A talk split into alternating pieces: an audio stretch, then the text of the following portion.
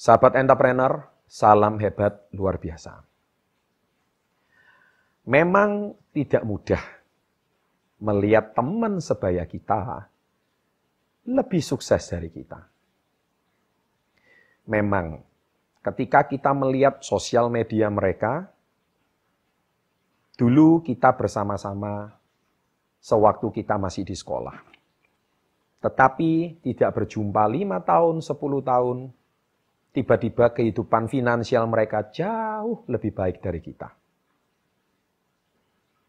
Mungkin saat ini kita sedang bekerja atau kesulitan mencari pekerjaan.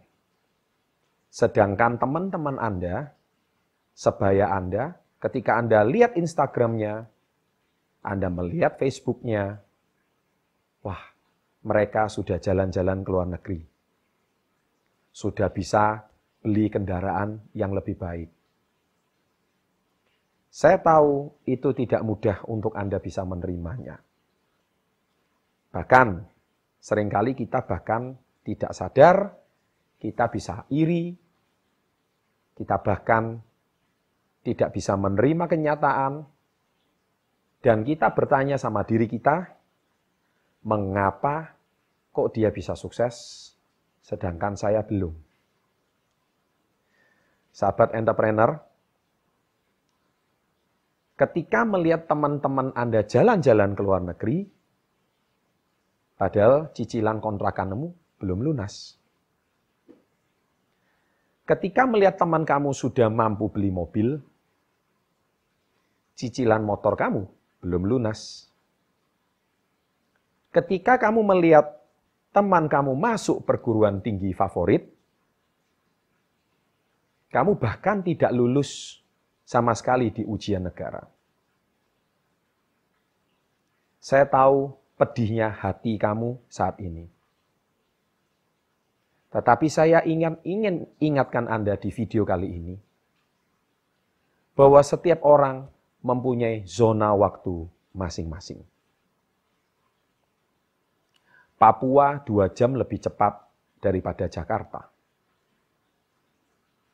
Apakah Papua mempunyai kecepatan waktu yang lebih banyak, lebih cepat dari Jakarta? Tidak. Tetapi karena Papua menjalani zona waktunya sendiri. Barack Obama resmi berhenti menjadi presiden di usianya yang ke-55 tahun. Tetapi justru Donald Trump malah menjadi presiden di usia yang ke-71. Apakah Barack Obama lebih hebat dan Donald Trump tidak? Tidak. Karena Barack Obama dan Donald Trump menjalani zona waktunya masing-masing. Setiap orang mempunyai zona waktu masing-masing. Ada seseorang yang baru menikah di usia 42 tahun. Tetapi ada orang yang sudah menikah di usia 17 tahun. Apakah yang 17 tahun menjamin lebih bahagia daripada yang usia 42 tahun? Tidak juga. Ada orang yang menikah di usia 18 tahun, baru punya anak 10 tahun kemudian. Tetapi ada orang yang sudah baru saja menikah langsung dikaruniai anak. Setiap orang punya zona waktu masing-masing. Ada orang yang bekerja baru dua tahun langsung dipromosikan jabatan menjadi direktur.